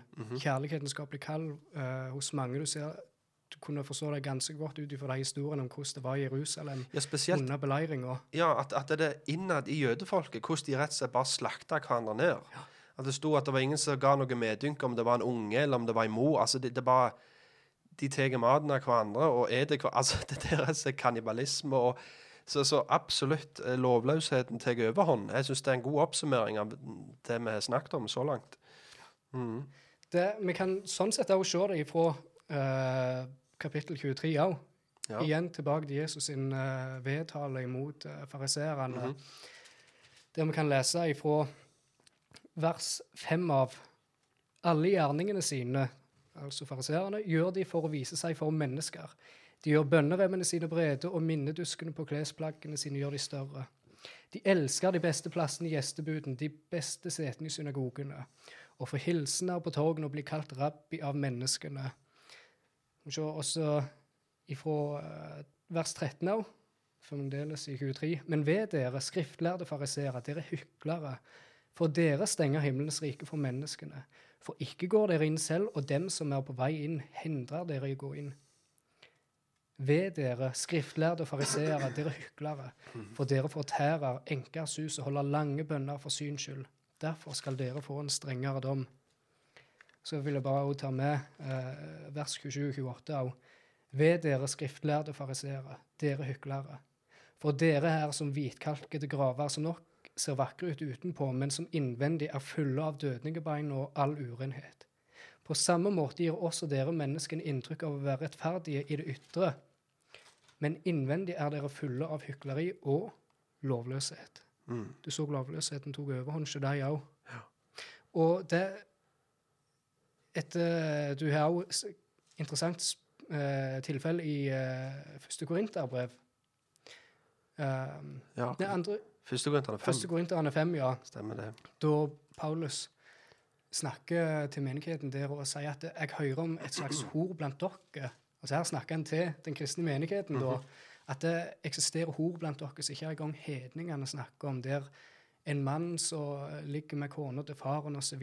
Og videre der så snakker han om bror som uh, går til rettssak mot bror. liksom Du ser at lovløsheten tok overhånd. Ikke bare se hedninger, men kan se faktisk at det ble uh, Det tok overhånd se bekjennende kristne òg. Stemmer det. Um, Ja, så er det jo noen av sendebrevene òg, i åpenbaringa, der òg har du igjen Jesus. En, uh, Jesus sier at dere har forlatt deres første kjærlighet. Den kommer på en måte til flere forskjellige menigheter da, og med litt forskjellige uh, anklager. da. 'Dette har jeg imot dere'. Ja. 'Dette har jeg imot dere'. Liksom, så du ser at uh, lovløsheten eh, Både lovløsheten, ja, og, og um, kjærligheten Ja. ble kalt så mange. Du kan se hvordan det er òg på en måte eh, bare preg av uh, folka på denne tida, da. mm. Ja. Eh, men, men den som holder ut til enden, skal bli frelst. Bare en, Ja. en annen interessant ting da, i forhold til lovløsheten tar eh, overhånd, og kjærligheten blir kald hos mange. Nero Ja, er det beste eksempelet på det. Mm. Hva det var første kona hans drepte han. Andre kona hans tok han og spente i hjel mens hun var gravid. Mm. Og det er jo eh, Det står jo om at han tok en tenåring, en gutt, Ja. tok kastrerte han og gifta seg med han. Uff, ja. Ja, at, Det- altså, Poenget er vel da at eh, vi, vi, når vi ser ut vinduet i dag, så tenker vi åh, ja, fytti. Det her er lovløshetens tid, vet du. vel? Men det var i sannhet lovløshet da òg, og jeg vil si mest at det var verre. Er du Mm. med? Det er ikke Vi kan gå ut og sove på gå på telttur i naturen i dag uten at én må være våken om natta og holde vakt med Ja. sverd. Er med? Men der var det sånn, traff du på en i skogen, som kunne være sikker, sikker på han tok livet av deg hvis ikke du tok livet av han først. Så det, det Ja. Det, det siste verset, da, vers 14 Mhm. Men Nei, jeg mener den siste. Men den som holder ut til enden, skal bli frelst. Ja, ja. Den er interessante. Er det da Er dette her på en måte snakk om frelse, evige frelse? Ja. Eller er det noe annet? Her er det ikke snakk om på en måte, I de versene fører Jesus prøver ikke å legge fram en lære om hvordan et menneske blir rettferdiggjort framfor Gud. Mhm. Hvordan et menneske blir frelst. Men det det er snakk om her, eh, det er faktisk den som heller ut gjennom alle disse her fødselsveiene. Alle disse her trengslene eh, fram til etter den endelige dommen og på en måte den eh, tidsalderen er over. Det er den som skal bli frelst. Og det er jo det eh, den parallellteksten som jeg nevnte fra Lukas 21. ja, jeg har den her. Så, ja, I vers 19. Ved utholdenhet skal de redde deres sjel. Det er det han skriver. Så med at du holder ut, Samuel, så skal du bli berga ut ifra dette. Det er liksom litt det som er poenget. Mm.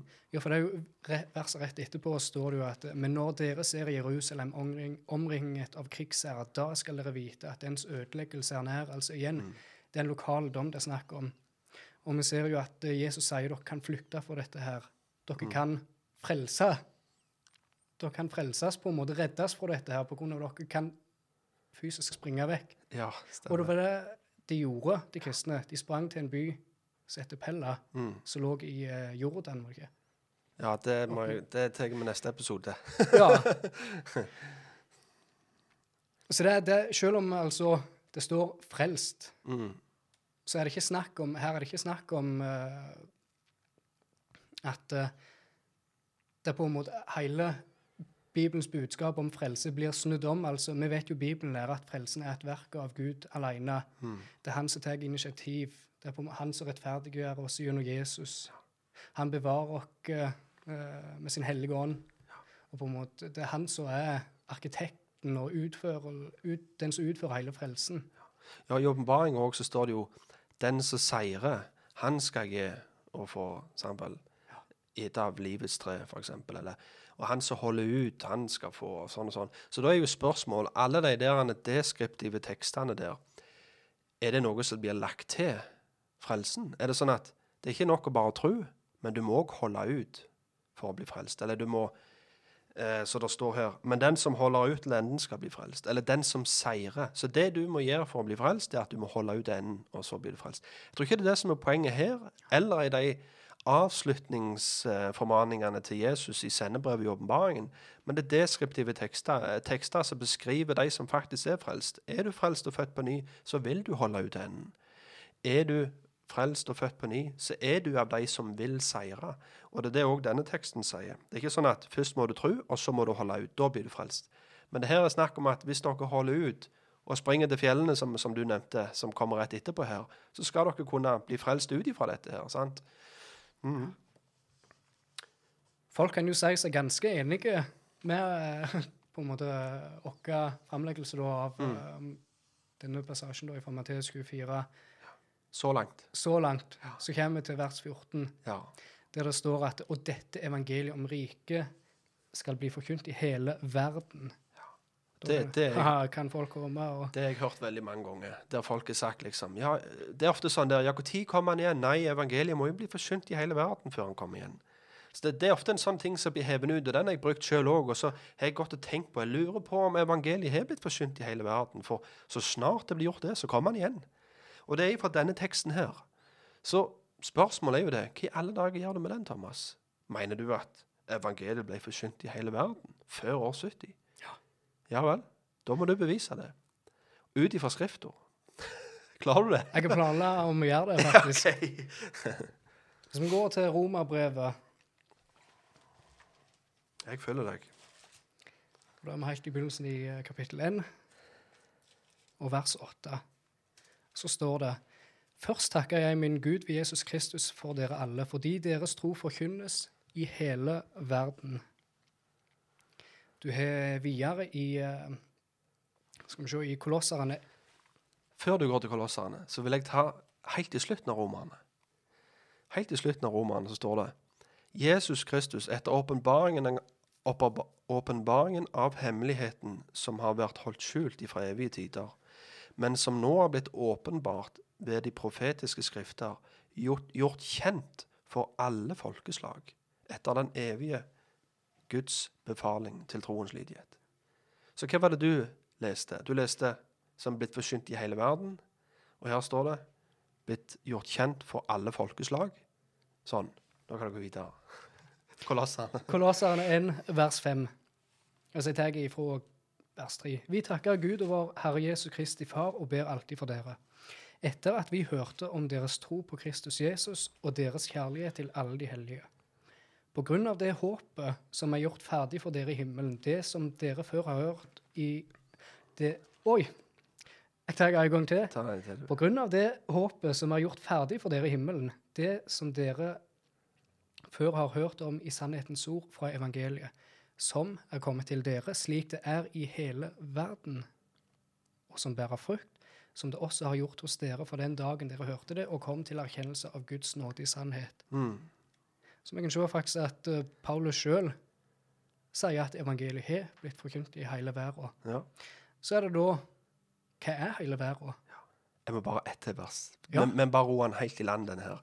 Og jeg er i Kolosserne ennå her. Jeg er i Kolosserne 1, og så tar jeg Det er i 23, men vi må kanskje få litt tidligere.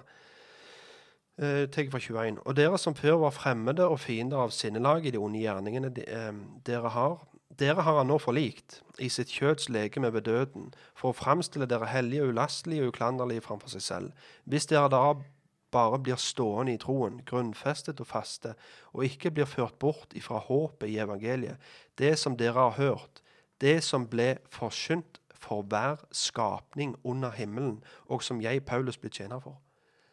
Altså hele verden, alle folkestammer, hver skapning under himmelen. Ja, det er ganske Og jeg, jeg er flere. Jeg vet ikke om du er flere. er du flere, Thomas? Ikke akkurat nå, men Jeg har ei hymne, ei siste. Den, Ja. du vet, den kjente hymna i 1. Timoteus.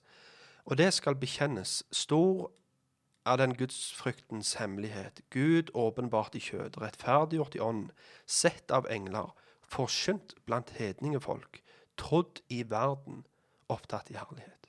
Så det er blitt forkynt for hedninger og trodd i hele verden. Det så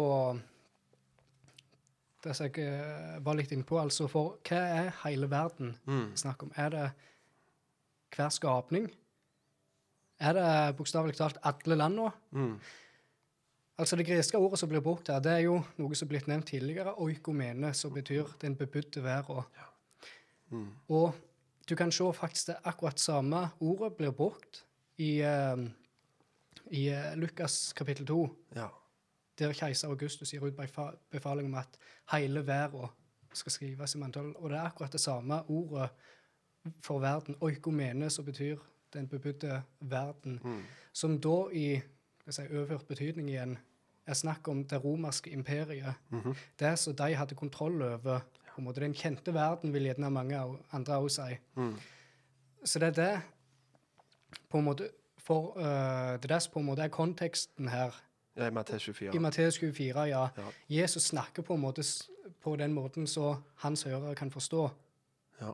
at eh, evangeliet skal bli forkynt for hele verden. Mm. Uh,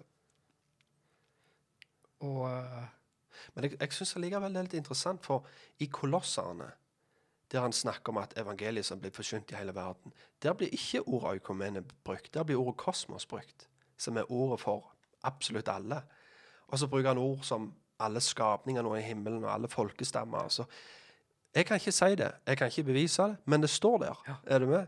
Og hvis, hvis den rette måten å tolke Bibelen på er å bruke Bibelen for å tolke Bibelen, som alle kristne vil være enige om, så må faktisk vi tro det som står der. Og da må ikke vi si ja, ja, men det er ikke skjedd ennå, for jeg har ikke sett det. Ifølge Paulus så Paulus sier det fem ganger. Er du med? At det har blitt forskydd. Han sier det for verden. Han bruker både oikumene, han bruker kosmos, samtidig, og han snakker om alle skapninger under himmelen, og han snakker om alle folkeslag og har fått hørt det. Ja, ikke vet jeg. Altså, jeg tror det. Er du med? Jeg tror det som står. Jeg tror ikke bruker store ord for å få fram et poeng om at evangeliet har blitt forkynt. Ja, rett og slett. Så, så det er ikke en hindring, for å si det sånn at eh, nei, eh, Matteus 24, 14 har ikke blitt oppfylt. Derfor må dette her være noe framtidig. Hvis du bruker Bibelen for å tolke Bibelen, så har tydeligvis det blitt oppfylt. På en eller annen måte som kanskje ikke vi helt forstår, men det er i hvert fall det der Bibelen sier. Ja, hadde du noen sånne avslutningstanker der, Thomas? Vi klarte faktisk fra vers 4 til 14 på ei ganske skjebnelig tid, vil jeg si. Ja. Ja. ja. Neste gang så blir det jo fra vers 15. Jeg vet ikke hvor mange vers vi kommer til å ta da. Men vi kommer i hvert fall til å snakke om ødeleggelsens styggedom. Som dere fikk et lite forsmak på når vi gikk gjennom Daniel 9. Eh, men sånn avslutningsvis så har du kanskje en anbefaling, Thomas? Det har jeg. Ja, fyr på. Jeg nevnte jo sist Gary DeMar, Mhm. en dyktig lærer. Og nå vil jeg eh, litt mer spesifikt anbefale ei bok av en, en bok som jeg holder på med sjøl, som heter 'Wars and Rumors of Wars'. Ja. En fantastisk bra bok så, uh, der han tar opp og snakker mye om Matteus 24. Uh, så den vil jeg eh, anbefale. Mm. Kjempe. Jeg holder opp ei bok her til kamera. Jeg vet ikke om kamera klarer å se det. 'Last Days Madness' heter han. Og Det er òg av Geri DeMar, som han heter. Og Det er òg en gjennomgang av Matteus 24. Så den kan jeg anbefale på det sterkeste. Og Josefus, hvis du klarer å rote opp det. Alt, alle verk av Josefus ligger gratis ute på nettet. Det er bare å søke han opp, og så kan du lese. Og spesielt De jødiske kriger, del 1 og del 2, kan jeg anbefale på det sterkeste. Og Der han skriver detaljer hva som skjedde i forkant av ødeleggelsen og selve beleiringa av Jerusalem, og at tempelet og byen ble lagt i grus. Veldig interessant at Gud har bevart et øyevitne til det, og at de skriftene han har, er så vel bevarte til den tid i dag, syns jeg er helt, helt fantastisk. Men igjen, bare som en liten sånn Bare så det ikke skal bli et sånn et eh, undervisning, punktum, pang, ferdig. Men litt sånn So what, liksom? Hva så? Hva betyr dette her for oss? Jeg, jeg kjenner i hvert fall det personlig at når du kan gå gjennom sånn, og du bruker Bibelen for å tolke Bibelen, og du ser at det, det Jesus sa, det skjedde faktisk Det med, kjenner jeg for min del er med å bekrefte at, at ja, han er Messias. Og at han forkynner så, så detaljert om hva som skal skje på forhånd når det kommer i oppfyllelse. Og det blir bekrefta både av Bibelen, men òg av en hel haug med kirkefedre ut forbi. Og, jeg, og meg, meg, meg og Thomas siterer ikke kirkefedre på noen måte for å si at de er en autoritet. Skrifta er det vi klamrer oss til, og det er Skrifta vi ønsker skal være det vi står planta med begge føtter på, for å si det sånn. Men det er likevel interessant å se at at historikere som levde på samtida, skriver og bekrefter det som Bibelen sier. Så det er derfor vi siterer litt fra kirkefedre, bare for å underbygge det som, som Bibelen òg snakker om. Ja, noen avslutningstanker, Thomas? Eller nå er det helt tomt, alt? Helt tomt? ja, sliten. stemmer det. Det blir litt sånn. Jeg eh, tror hostinga gikk bedre i dag. Ja, jeg tror det. Det var ikke så mye av det. Jeg tror det var den der kebaben med, med de der Stemmer eh, sterke jalapenosene jeg hadde i som røska tak litt. Så kanskje jeg må ha det som en tradisjon. Ha en kebab i forkant av hver episode. Ja, takk for dere som lytter på. Vi setter stor pris på at dere følger dere. Og ja, kom gjerne tilbakemeldinger. Kritikk, som sagt, det sender dere direkte til Thomas på hans private mail. Telefonnummer er 48 tre- Nei da. Ja, nei, veldig gildt. Veldig gildt. Vi tar den igjen. Eh, på gjenhør. På gjenhør.